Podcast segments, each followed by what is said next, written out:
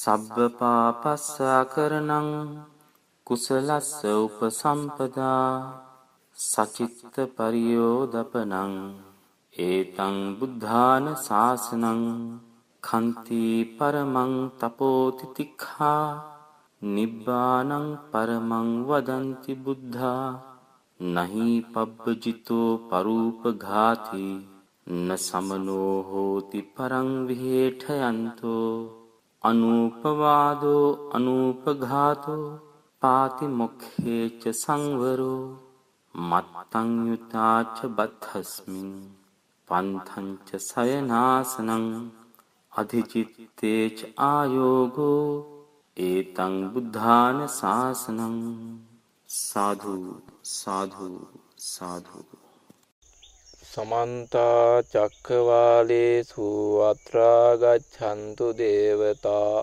සද්ධම්මං මුනි රාජස්ස සුනන්තෝ සග්ග මොක්ඛදං ධම්මස්සවන කාලෝ අයං බදන්තා ධම්මස්සවන කාලෝ අයං බදන්තා ධම්මස්සවන කාලෝ අයං බදන්තා නමෝ තස්ස භගවතෝ අරහතෝ සම්මා සම්බුද්දස්ස.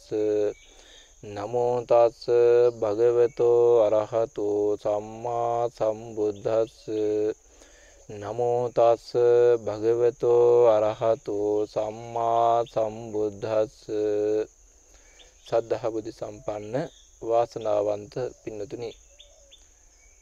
අද දවසෙත් මේ පින්වතුන් සූදානම් වෙන්නේ ත්‍රිපිටකයේ ඇතුළත් වන සූත්‍රාන්ත පිටකයේ අංගුත්තර නිකාය නැමැති ග්‍රන්ථය මුලපටන් අනුපිළිවෙලින් කියවෙන දහම් දේශනාවක් ශ්‍රවණය කිරීමටයි. මේ දහම් දේශනාව තුළින් අප බලාපොරොත්තු වෙන්නේ අංගුත්තර නිකායේ ඒකක නිපාතයේ මුලින්ම සඳහන් වෙන චිත්ත පරියාදාන වර්ගයේ චිත්ත පරියාදාන සූත්‍රය විග්‍රහ කරගන්නට. අපේ පළමුවෙනි දේශනාවේදී අංගුත්තර නිකාය නැමැති ග්‍රන්ථය පිළිබඳව යම් විස්තරයකුත් ඒ වගේම මේ චිත්ත පරියාදාන සූත්‍රයේ ස්ත්‍රී රූපය පිළිබඳව මුල් කොටසත් කියන දෙක විස්තර වශයෙන් දේශනා කරන්න යෙදුනා. දැන් අපි අද දවසේ බලාපොරොත්තු වෙන්නේ ඒ සූත්‍රයේ ඉදිරි කොටස් දැනගෙනගෙන මේ පින්වතුන්ගේ ධර්මාවබෝධය වැඩි දියුණු කරගන්න. ඒ නිසා පින්වතුන් බොහෝම ගෞරවයෙන් සාදරයෙන් භක්තියෙන් යුතුව ඒ ලෝතුරා බුදු පියාණන් වහන්සේගේ ශ්‍රී සද්ධර්මය මම අවබෝධ කරගන්නවා බොහොම ගෞරවයෙන් ශ්‍රවණය කරනවා කියන අදිෂ්ඨානය ඇති කරගෙන ඒ දහම් කරුණු ශ්‍රවණය කිරීම සඳහා සූදානම් වෙන්න. නාහං භික්කවේ අඤ්ඤං ඒක සද්දාම්පි සමුනුපස්සාමි යං ඒවම් පුරිසස්ස චිත්තම් පරියාදාය තිට්ඨති. යත ඉදම් භික්කවේ ඉති සද්දෝ ඉති සද්දෝ භික්කවේ පුරිසස්ස චිත්තම් පරියාදාය තිට්ඨති. පින්නතුනි අපි පසුගිය දහම් දේශනාවදි මේ සූත්‍රයේ මුල් කොටස වන ස්ත්‍රී රූපය පිළිබඳ රූපගර්ක පුරුෂයාගේ සිතේ කුසල සිත පැහැරගන්නා වෙනත් කිසිම රූපයක් දකිනි නැහැයි කියනවා. මේ ස්ත්‍රී රූපයේ තරම් භාග්‍යතුන් වහන්සේ උතුම් සර්වඥතා ඥාණයෙන් ලෝකයේම දිහා බලනකොට අනන්ත සක්වල දිහා බලනකොටත් රූපගරුක පුරුෂයාගේ සිත කුසල් සිතින් පැහැර ගන්නා වූ මේ ශ්‍රී රූපේ තරම් තවත් දෙයක් නැහැයි කියලා දේශනා කරනවා. මුල් කොටසේදී. දැන් මේ දෙවෙනි කොටසේදී සඳහන් වෙන්නේ සද්ද ගරුක පුරුෂයාගේ සද්දේම කැමති වෙන සද්දේ පිළිබඳව සිත ඇලෙන පුරුෂයාගේ එක් සිත කුසල් සිත පැහැර ගන්නා වූ ස්ත්‍රී සද්දේ තරම් තවත් සද්දයක් මේ කොහේවත් දකින්න නැහැ කියලා භාග්‍යතුන් වහන්සේ දේශනා කරනවා. මේ සූත්‍රය පිළිබඳව අට කතාවේ විස්තර දක්වනවා දුතියාදීනි සද්ද ගරුකාදී නම් ආසේ වශයෙන් උත්තානි මේ දෙවන සූත්‍රය ආදී වශයෙන් එතැන් පටන් කියවෙන ස්ත්‍රී ගන්ධය ස්ත්‍රී රස ස්ත්‍රී ස්පර්ශය පිළිබඳව සූත්‍රات අනුපිළිවෙලින් කියවෙනකොට මේ අද කියවෙන පළවෙනි සූත්‍රය නැත්නම් සද්දගරුක සූත්‍රය සද්දගරුක පුරුෂයන්ගේ ආසය වශයෙන් තමයි දේශනා කළේ ස්ත්‍රී සද්දය පිළිබඳව. අටකතාවේ විග්‍රහ වෙනවා තේසු ඉති සද්දෝති ඉතියා චිත්ත සමුට්ටානෝ කතිත ගීත රුතිත සද්දෝ කියලා. මොකද මේ ඉස්සී සද්දේ කියලා කිව්වේ ඉස්සියගේ සිතින් හටගත්තු කතා මාත්‍ර නැත්නම් වචන මාත්‍ර වශයෙන් ඉස්සියගේ සිතින් හටගත්තු සද්දයක් ගායනා කිරීම ඒ වගේම හඬා වැළපෙන සද්දත් ගායනා කිරීමුත් කියන මේ දේවල් තමයි අදහස් කළේ. එවැනි සද්ද තමයි මෙතනින් අදහස් කරේ. ඒ වගේම කියනවා තව දුරටත් ඉත්‍යා නිවත්ත නිවාසනස්සාපි අලංකතා අලංකාරස්සාපි ඉත්තිපයෝග නිපාදිතෝ වීනා වේනු සංක පනවාදි සද්දෝපි ඉති සද්දෝත්වයෝ වේදිතබ්බෝ මේ මොකක්ද කිව්වේ? ස්ත්‍රියගේ හැඳ සිටින වස්ත්‍ර වලින් ඒ වගේම පැලඳගෙන සිටින ආභරණ වලින් ඒ වගේම ස්ත්‍රියගේ ප්‍රයෝගයෙන් හටගත්ත ස්ත්‍රිය විසින් කරනු ලබන නිපදවීමෙන් හටගත්තු වීණා හඬ ඒ වගේම එහෙම නැතිනම් වෙනත් සංගීත භාණ්ඩ එහෙම නැතුනම් සග්ගෙඩි බෙර ආදී මොකක් හරි දෙයකින් අවම වශයෙන් ස්ත්‍රියක් යමකින් යමකට තට්ටු කරන සද්දයක් හෝ වේවා කියන සද්දයක් වුණත් ස්ත්‍රී සද්දයම කියලා දත දැනගන්න කියලා කියනවා. සබ්බෝපි හේතෝ පුරිසස්ස චිත්තම් පරියාදායතිට මේ කියන ඕනෑම සද්දයක් පුරුෂයාගේ සිත කුසල් සිතින් පැහැරගන්න තරම් හේතු වෙනවා සිත පැහැරගෙන අල්ලාගෙන සිටිනවා කියලා සඳහන් වෙනවා. මෙතන මේ සුවන්න කක්කටක සුවන්න මෝර දහර බික්වාදී නම් වතුනි වේරිතබ්බානි කියලා අට කතාවේ පැහැදිලි කරනවා. කතාවත්තුන් තුනක් පිළිබඳව විස්තර කරනවා අට කතාව තුළදී. ඒ අතරින් මේ සුවන්න කක්කටක කතාවස්තුව පැහැදිලි කරනවා පබ්බතන්තරන් කිර නිසාය මහන්තන් හතිනාග කුලං වසති එක්තරා කඳු කිහිපයක් අතර එක්තරා මහා හස්තිරාජ කුලයක් වාසය කරනවා. ඇත් පවුලක් පරම්පරාවක් වාසය කරනවා. ඒ ඇත් පරම්පරා වාසය කරන ප්‍රදේශයට නුදුරින් මහා විලක් තියෙනවා. පොකුණක් නැත්තම් විලක් තියෙනවා. ඒ විලෙන් ජීවත් වෙන ස්වර්ණ මේ කකුළුවෙක් ඉන්නවා. සුවර්ණ කක්කටකු අත්ති. ස්වර්ණ මේ කකුළුවෙක් ඉන්නවා. මේ ස්වර්ණ මේ කකුළුවා මොකද කරන්නේ? මේ විලට බැහැගන්න බැහැගන්න සත්තුන්ව අඩුවකින් අල්ල ගන්නා වාගේ ඒ සතුන්ගේ කකුලෙන් අල්ලගෙන තමන්ගේ වසඟයට අරගෙන මරණයට පත් කරනවා. අඩුවකින් අල්ලගෙන අඩුවකින් අල්ලනවා වගේ තමන්ගේ අතින් ඒ සත්තුන්ගේ පා අල්ලාගෙන එයින් ඒ සත්වයා තමන්ගේ වසඟයට අරගන්නවා මරණයට පත් කරනවා. ඉතින් දවසක් මේ විලට බැහැගන්ට කැමැත්තෙන් ඉන්න ඒ ඇත් පන්තියේ එක්තරා මහා හසිරාජයෙක් ප්‍රධාන කොට තමයි ඒ අත්පන්තිය හැසිරෙන්නේ ඒ අත්පන්තිය ජේෂ්ඨ හස්තිරාජයා ප්‍රධාන හස්තිරාජා නායක හස්තිරාජා විලට මුලින්ම බැස ගන්නවා.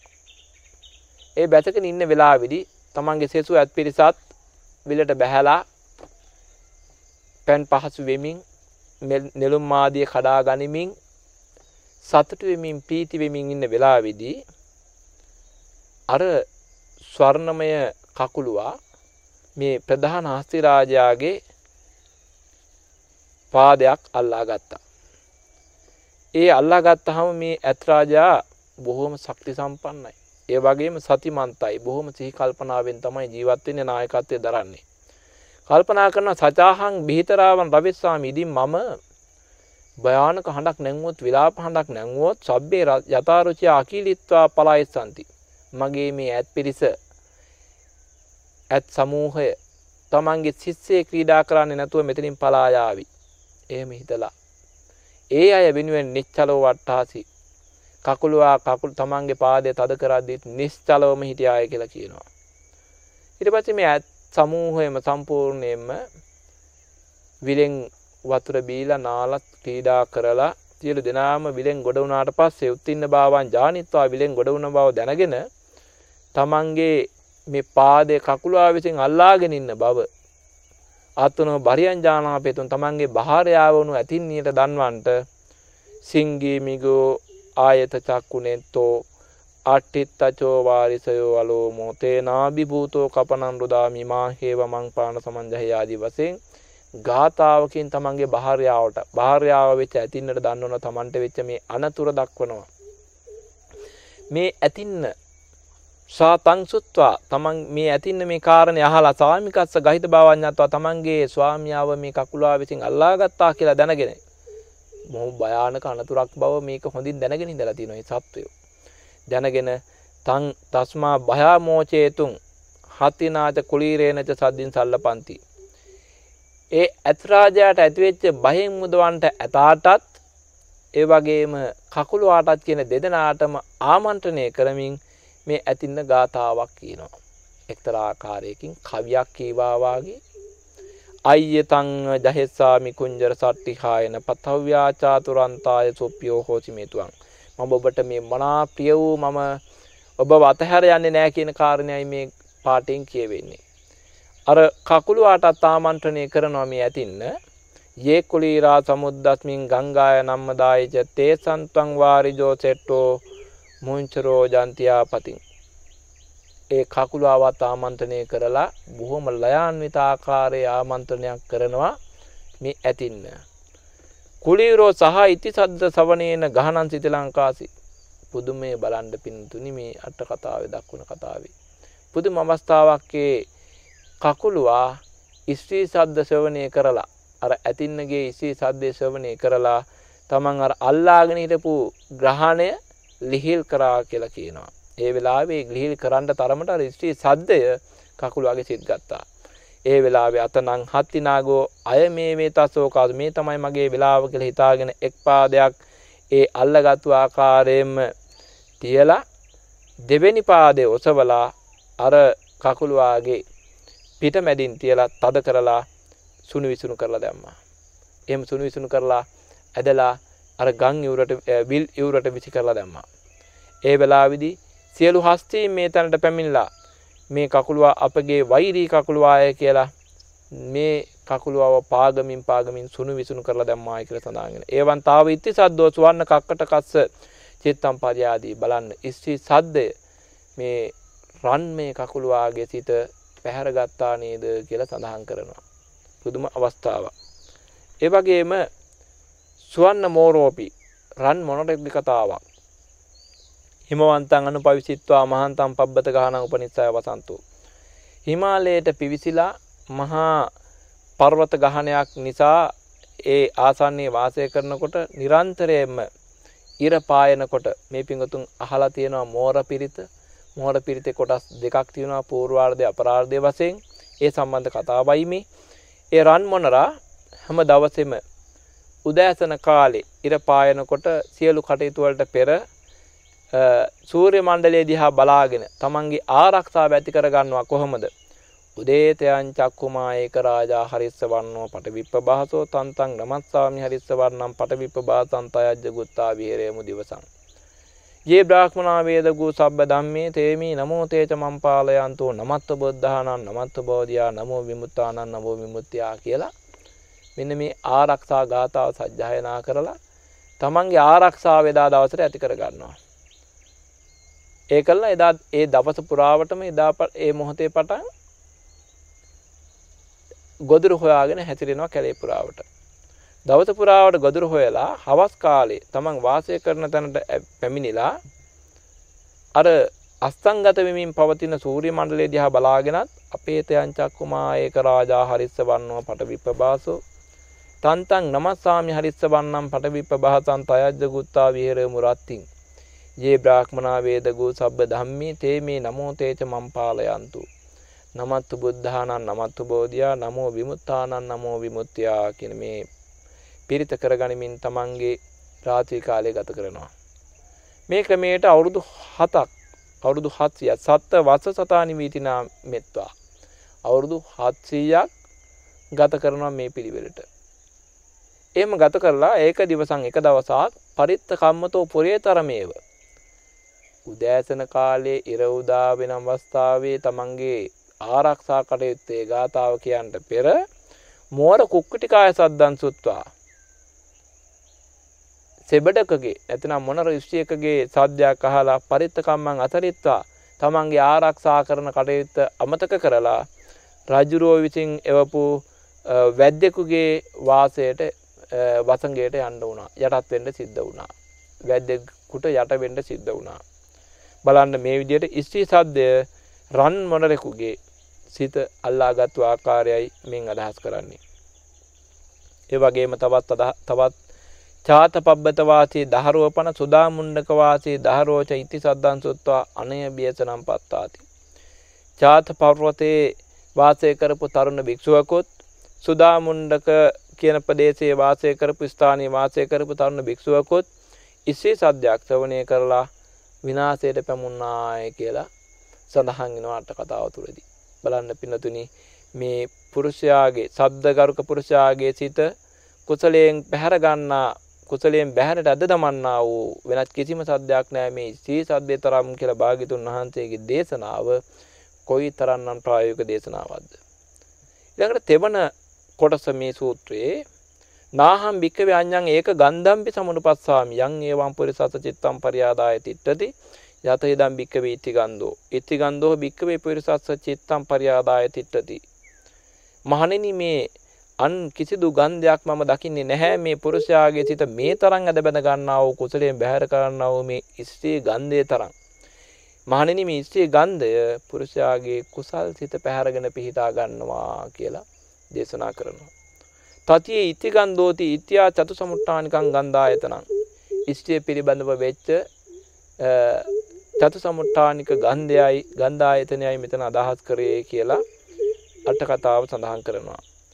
ස්වයං ඉත්‍යා ශරීර ගන්ධෝ දුක්ගන්ධෝ හෝති. ඉතින් මේ ස්ත්‍රියකගේ ශරීර ගන්ධය දුර්ගන්ධයක් වෙනවා. කායාරුල් හෝපන ආගන්තුකෝ අනුලෝපනාදී ගන්ධෝ ඉදා දිප්පේතු. එහෙමනම් දුර්ගන්ධයක්ද මෙතන අදහස් කරේ. නෑ දුර්ගන්ධය නෙමෙයි මෙතන අදහස් කරේ ස්ත්‍රියගේ ශරීරයේ ගල්වන ලද විශේෂයෙන් ගල්වන ලද ආලේපන විලේපන ආදී සුවඳවත් දේවල් වල තිබෙන ඒ ගන්ධය තමයි මෙතන අදහස් කරේ කියලා කියනවා. ඒකච්චා හීති අස්ස ගන්දිනී හෝති ඒකච්චා මෙන්ඩක ගන්දිනී ඒකච්චා සේද ගන්දිනී ඒකච්චා සෝනිත ගන්දිනී ඒකච්චෝ අන්ද බාලෝ ඒව රූපාය පීත්‍යා රජ්‍යතේව විශේෂ කාරණයක් දක්වනවා මේ දහම් කාරණ ස්ත්‍රී ගන්ධය විග්‍රහ කරන තැන ඒකච්චා හීති අස්ස ගන්දිනී ඇතැම් ස්ත්‍රියකගේ ශරීරය අස්ව ගන්ධයෙන් යුතුයි කියලා කියනවා ඒකච්චා මෙන්ඩක ගන්දිනී ඇතම් සරී ස්ත්‍රියකගේ ශරීරය එළුවෙකුගේ නැතිනම් බැටළුවෙකුගේ ගන්ධයෙන් යුක්තයි කියලා කියනවා. ඒකච්චා සේද ගන්ධිනී. ඇතම් මිනිසියගේ ශරීරය දහඩිය ගඳයි ගඳින් යුක්තයි කියලා කියනවා. ඒකච්චා සෝනිත ගන්ධිනී. ඇතම් මිනිසියගේ ශරීරය රුධිරයෙන් ගන්ධයෙන් යුක්තයි කියලා කියනවා. ඒකච්චෝ අන්ධපාලෝ බාලෝ ඇතම් අන්ධබාල පුරුෂයෙක් මෙබඳු දුර්ගන්ධ ස්ත්‍රියගේ ශරීරයේ උනත් ඒ ගන්ධයේ උනත් ඇලෙනවාය කියලා සඳහන් වෙනවා. චක්කවත්තිනව පන ඉතිරතනස්ස කායතෝ චන්දන ගන්ධෝ වායති මොකතෝ උපල ගන්ධෝ. සක්විති රජතුමාට ලැබෙන ස්ත්‍රීරත්නයේ ශරීරයෙන් සඳුන් සුවඳ විසිරෙනවා සඳුන් සුවඳ පැතිරෙනවා. ඒ ඉස්ත්‍රීරත්නයේ මුකයෙන් මානෙල් මල් සුවඳ පැතිර යනවා කියලා සඳහන් වෙනවා. අයං න සබ්බාසං හෝති इति ආගන්තුකෝ අනුලේපනාදී ගන්ධෝ විදාදිපේතු. ඉතින් ස්ත්‍රී රත්නයක් ලැබෙන්නේ සක්විති රජතුමාට පමණයි. එවැනි ආකාරයේ ශරීරයෙන් සඳුන් සුවඳ විහිදෙන, මුවින් මානෙල් මල් සුවඳ විහිදෙන ස්ත්‍රී රත්නයක් ලැබෙන්නේ සක්විති රජතුමාටයි. වෙනත් කෙනෙකුට එහෙම ලැබෙන්නේ නැහැ. බොහොම කලාතුරකින් විශේෂ පුණ්‍ය ශක්තියකින් තමයි එවැනි කෙනෙක් ලැබුණොත් ලැබෙන්නේ. ඒ නිසා ඒ ස්ත්‍රියකගේ ශරීරයේ බාහිරින් ආලේප කරපු සුවඳ ආලේපන ආදී ආදීන් දැනන ගන්ධය තමයි මෙන් අදහස් කරේ කියලා අට කතාව තුළ විග්‍රහ කරනවා. තිරච්ඡාන ගතාය පන හත්ති අස්ස ගෝනාදයෝ තිරච්ඡාන ගතානන් සජාතිත්තිනම් උතු ගන්ධේන යෝජනන් දියෝජනන් තියෝජනන් චතියෝජනම්පි ගච්ඡanti මේ මොකද්ද කියන්නේ? තිරිසංගත සත්වයන් අතරේ ඇත් අස් ගෝණ ගව ආදී තිරිසන් සත්තුන්ගේ තමන්ගේ ජාතියේ ඉසී සත්වයන්ගේ ඍතු ගන්ධයෙන් ඒ ඍතු ගන්ධයේ අනුව ඒ ගන්ධ දැනිලා යොදුන අප්‍රාවට මේ කාලේ හැටියට 68ක් පමණ දුර ද්වියෝජනං සතපොම් 16ක් පමණ. තියෝජනං චතපුම් 24ක් පමණ. චතුයෝදනම් චතපුම් 32ක් පමණ දුරක් වුණත් යනවාය කියලා කියනවා ඒ ස්ත්‍රී ගන්ධය දැනිලා. ඉති කාය ගන්ධෝවා හෝතු ඉත්‍යා නිවත්ත නිවාසන අනුලෙත්තා අනුලේපන පිරන්දන මාලාදි ගන්ධෝවා සබ්බෝ පිත්ති ගන්ධෝත්වය වේදි. තබ්බෝ මේකෙන් විස්තර කරේ මොකද්ද? ස්ත්‍රී ගන්ධය කියන්නේ මොකද්ද? කාය ගන්ධෝවා හෝතු ස්ත්‍රියගේ ශරීරයේ තිබෙනා වූ ගන්ධය හෝ ස්ත්‍රිය අඳින පළඳින ඇඳුම් පැළඳුම් වල ආලේපන විලේපන කරන අඳින පළඳින පළඳනාවල ආභරණවල ආදී යම් කිසි ගන්ධයක් තිබෙනවා නම් ඒ ගන්ධය තමයි ස්ත්‍රී ගන්ධය කියලා හඳුනාගත්තේ කියලා කියනවා. ඒ ස්ත්‍රී ගන්ධය පිළිබඳවත් අර මුලින් වගේම පුරුෂයාගේ සද් ගන්ධ ගරුක පුරුෂයාගේ සිත කුසල් සිතින් කුසල පැත්තෙන් පැහැර ගන්නවා කුසලයෙන් බැහැර කරගෙනවා කියන දේශනයයි භාග්‍යතුන් වහන්සේ අපට කළේ. ඊළඟට නැවතත් භාග්‍යතුන් වහන්සේ දේශනා කරනවා නාහම් භික්කවේ අඤ්ඤං ඒක රසම්පි සමනුපස්සාමි. යං ඒවම් පුරිසස්ස චිත්තම් පරියාදාය තිට්ඨති. යත හිදම් භික්කවේ ඉති රසෝ. ඉති රසෝ භික්කවේ පුරිසස්ස චිත්තම් පරියාදාය තිට්ඨති. මහණෙනි අන් ඒ එකම රසක්වත් මම දකින්නේ නැහැ. මේ පුරුෂයාගේ සිත මේ තරම් කුසලයෙන් බැහැර කරන කුසල් සිත පැහැර ගන්නා රසයක් මේ ස්ත්‍රී රසයේ තරම් මහණෙනි මේ ස්ත්‍රී රසය පුරුෂයාගේ කුසල් සිත පැහැරගෙන පිහිටා ගන්නවා බැස ගන්නවා කියලා පැහැදිලි කරනවා. අට කතාවේ විග්‍රහ කරන මේ ස්ත්‍රී රසය කියන්නේ මොකද්ද? ඉත්ති රසෝති ඉත්‍යා චතු සමුට්ටානිකං රසායතන. ස්ත්‍රියගේ චතු සමුට්ටානික රසායතනයයි කියලා කියනවා. ත්‍රිපිටක චූලනාග චූලාභ්‍යත්තේරාපන යායන් ඉත්‍යා කිංකාර පටිස්සාවිතාදි වශයෙන් අස්සව රසෝචේව පරිභෝග රසෝච අයන් ඉති රසෝති වදන්ති. ඒ ත්‍රිපිටක චූලනාග තෙරුන් වහන්සේ ත්‍රිපිටක චූලාභය තෙරුන් වහන්සේලා ඒ ස්ත්‍රියකගේ අස්සව රස සහ පරිභෝග රස වශයෙන් වෙන් කරලා ඒ රසය ප්‍රභේදගත කරලා පෙන්වනවා. මේ මොකද අදහස් කරේ යෝපනායන් ඉත්‍යා ඔට්ටමන්ත සම්මක්කන කේලාදි රසෝපි ඒ වගේම සාමිකස්ස දින්න යාගුබත්තාදීනන් රසෝපි සබ්බෝසෝ ඉති රසෝත්වේව වේදි තබ්බෝ අනේකේහි සත්තා අත්තනෝ මාතුගාමීනි යංකින්ච සහත්තා දින්න මේව මදුරන්ති ගහෙත්වා අනේ බේසනම් පත්තා. මෙන් අදහස් කරන්නේ මොකද්ද? යෝපනායන් යම්මේ ඉත්‍යා ඔට්ටමංශ සම්මක්කන කේලාදි රසෝපි. ඉස්ත්‍රියගේ තොල් මත සම්මක්කන කේලාදි රසෝපි. තොල් මත සිපීමාදයේදී ඒ කෙල රස ආදී වශයෙන් ස්වාමියා ඒ වගේම ස්වාමියා විසින් දෙනු ලබන ස්වාමියාට දෙනු ලබන කැඳබත් ආදිය තුල තිබෙන රසයත් කියන මෙන්න මේ දෙකම ස්ත්‍රී රසයම කියලා ගත යුතුයි කියලා කියනවා. අනේකෙහි සතන් නොඑක් සත්‍යෝ තමන්ට කාන්තාවක් විසින් සියතින් දුන්නා වූ දෙයක් බොහෝම මිහිරි කියලා අරගෙන විවිධ ව්‍යසනයට විවිධ විනාශයට පැමුණාය කියලා සඳහන් වෙනවා අට කතාව තුළ පැහැදිලි කරලා. නැවත ඊළඟට භාග්‍යතුන් වහන්සේ ඊළඟ කොටස දක්වනවා. නාහම් භික්කවේ අඤ්ඤං ඒක පොඩ්ඩක් පොට්ටබ්බම්පි සමනුපස්සාමි. යං ඒවම් පුරිසස්ස චිත්තම් පරියාදාය තිට්ඨති. යතයිදම් භික්කවේ ඉති පොට්ටබ්බෝ ඉති පොට්ටබ්බෝ භික්කවේ පුරිසස්ස චිත්තම් පරියාදාය තිට්ඨති. මහණෙනි අන් එකම ස්පර්ශයක්වත් මම දකින්නේ මේ ලෝකෙ මේ තරම් මේ පුරුෂයාගේ කුසල් සිත පැහැර ගන්නා වූ මොකද්ද මේ ස්ත්‍රී ස්පර්ශය තරම්. මහණෙනි මේ ස්ත්‍රී ස්පර්ශය පුරුෂයාගේ කුසල් සිත පැහැරගෙන කුසල් සිත කුසල සිත කුසලයෙන් බැහැර කරමින් පිහිටා ගන්නවා කියලා දේශනා කරනවා. ඉත්ති පොට්ටබ්බෝති මොකද්ද මේ ස්ත්‍රී ස්පර්ශය? ඉත්ති පොට්ටබ්බෝති ඉත්‍යා කාය සම්පස්සෝ. ඉත්ති ශරීරාරෝහන් නං වත්තාලංකාර මාලාදී නම් පිපස්සෝ. ස්ත්‍රියගේ කාය ස්පර්ශයයි. ස්ත්‍රී ශරීරයට නංවපු ශරීරයේ පළඳවපු ඇඳපු පළඳපු වස්ත්‍ර ආභරණ මල් ආදී සියල්ලේම ස්පර්ශය තමයි ස්ත්‍රී ස්පර්ශය කියලා කිව්වේ. මේ සියල්ලම සියලු ස්පර්ශයම ස්ත්‍රියගේ ප්‍රකෘති ශරීරය එහෙම නැත්නම් ඒ ශරීරයේ ඇඳුම් පැළඳුම් ආදී ස්පර්ශයම පුරුෂයාගේ සිත ඇදබැඳ තබා ගන්නවා. මහා චේතියංගනේ ඝන සජ්ජායන් ගන්නන්තස්ස දහර බික්කුණෝ විසභාගාරම්මන පස්සෝ ව්‍යාති එක්තරා අවස්ථාවකදී මහසෑ මළුවේ රුවන්වැලි සෑ මළුවේදී එක්තරා තරුණ භික්ෂුවක් ඉඳලා තිබෙනවා සමූහයක් වශයෙන් භික්ෂුන් අතර සමූහයක් වශයෙන් ධර්ම විනය ඉගෙන ගත්තු. ඒ තරුණ භික්ෂුව විසභාග අරමුණක් ස්පර්ශ වෙලා ඒ තුළින් විනාශයට පත් වුණු ආකාරය තුල කතා වස්තුවක් තුල ස්ත්‍රී ස්පර්ශයේ කොයිතරම්නම් හානියක් විනාශයක් තිබෙනවද කියලා පැහැදිලි කරනවා. ඊළඟට පින්නතුනි මෙන්න මේ විදිහට භාග්‍යතුන් වහන්සේ කාරණා පහක්. ස්ත්‍රියට ස්ත්‍රී රූපය ස්ත්‍රී සද්දය ස්ත්‍රී ගන්ධය ස්ත්‍රී රසය ස්ත්‍රී ස්පර්ශය කියන ස්ත්‍රී කාරණා පහක්. රූප ගරුක පුරුෂයාගේ සද්ද ගරුක පුරුෂයාගේ ඒ වගේම ගන්ධ ගරුක පුරුෂයාගේ රස ගරුක පුද්ගලයාගේ සහ ස්පර්ශ ගරුක පුද්ගලයාගේ විනාශය පිණිස හේතු වෙනවා. ඒ පුරුෂයාගේ කුසල් සිත පැහැර ගැනීම පිණිස හේතු වෙනවාය කියලා භාග්‍යතුන් වහන්සේ දීර්ඝ ලෙස විස්තර කරනු ලබනවා කෙටි සූත්‍ර දේශනාවක් වුණාට ඊටාම වැදගත් ජීවිතයට මහා වටිනාකමක් ගෙන දෙන සූත්‍ර දේශනාවක් හැටියට තමයි අපට දක්නට ලැබෙන්නේ. ඒ නිසා පින්නතුනි අපේ ජීවිත එදිනෙදා සකස් කරගන්නකොට කෙලෙස් වලින් මිදී අපේ ජීවිතය සකස් කරගන්නකොට අපේ සිහිය පවත්වා ගත යුතු වෙනවා. ඉන්ද්‍රිය සංවර සීලයක් භාග්‍යතුන් වහන්සේ දේශනා කරන්නේ මේ කියන අනතුරෙන් වළකින්න. අපි මේ දහම් දේශනාව ශ්‍රවණය කරන අවස්ථාවේදී අපට ඉගෙන ගන්නට ලැබුණා ස්ත්‍රී රූපේ නිසා ජීවිත විනාශ වෙච්ච ආකාරය.